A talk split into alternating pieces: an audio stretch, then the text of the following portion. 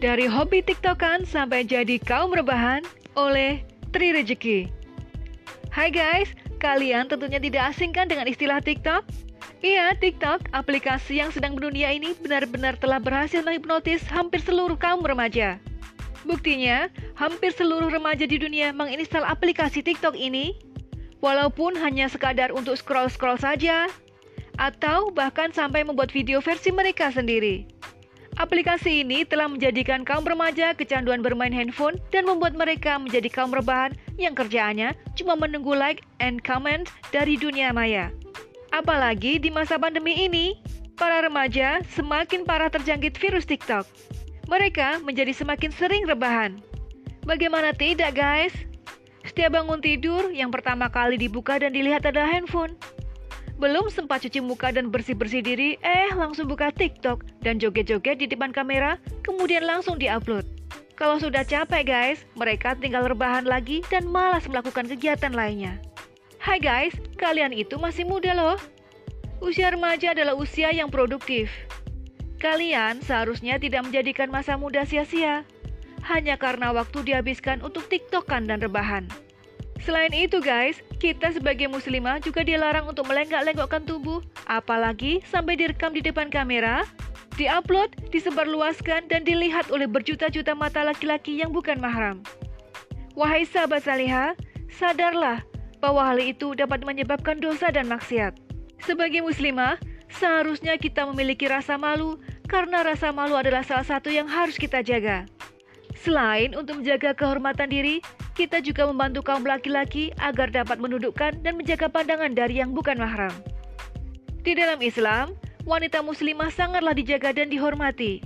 Karena itu guys, sebagai muslimah, seharusnya kalian bisa menjaga kehormatan diri. Salah satu cara adalah tidak berjoget-joget di TikTok, tidak mengupload video-video joget, apalagi dengan menggunakan pakaian yang tidak sesuai syariat Islam. Semua itu sangat berpotensi menimbulkan dosa dan merupakan suatu kemaksiatan. Naudzubillah min zalik. Selain itu guys, janganlah kalian menghabiskan banyak waktu hanya untuk rebahan.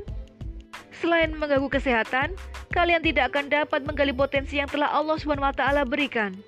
Sahabat muslimah, hidup ini bukan hanya untuk tiktokan, apalagi sekedar rebahan. Allah SWT menciptakan kita untuk beribadah kepadanya, serta memperbanyak amal kebaikan dengan kemampuan yang telah Allah SWT berikan. Apabila kalian mau melihat TikTok, lihatlah hal-hal yang bermanfaat, lihatlah kajian-kajian Islam yang akan menambah keimanan kepada Allah SWT. Buatlah konten-konten yang menyentuh hati manusia yang bertujuan membuat mereka jadi semakin taat dan takwa kepada Allah SWT.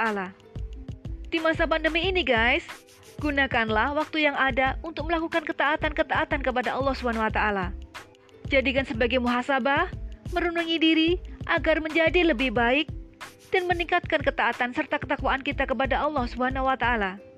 Selain itu, daripada hanya sekadar joget-joget di TikTok dan rebahan saja, lebih baik melakukan hal yang bermanfaat karena masa remaja adalah masa-masa emas.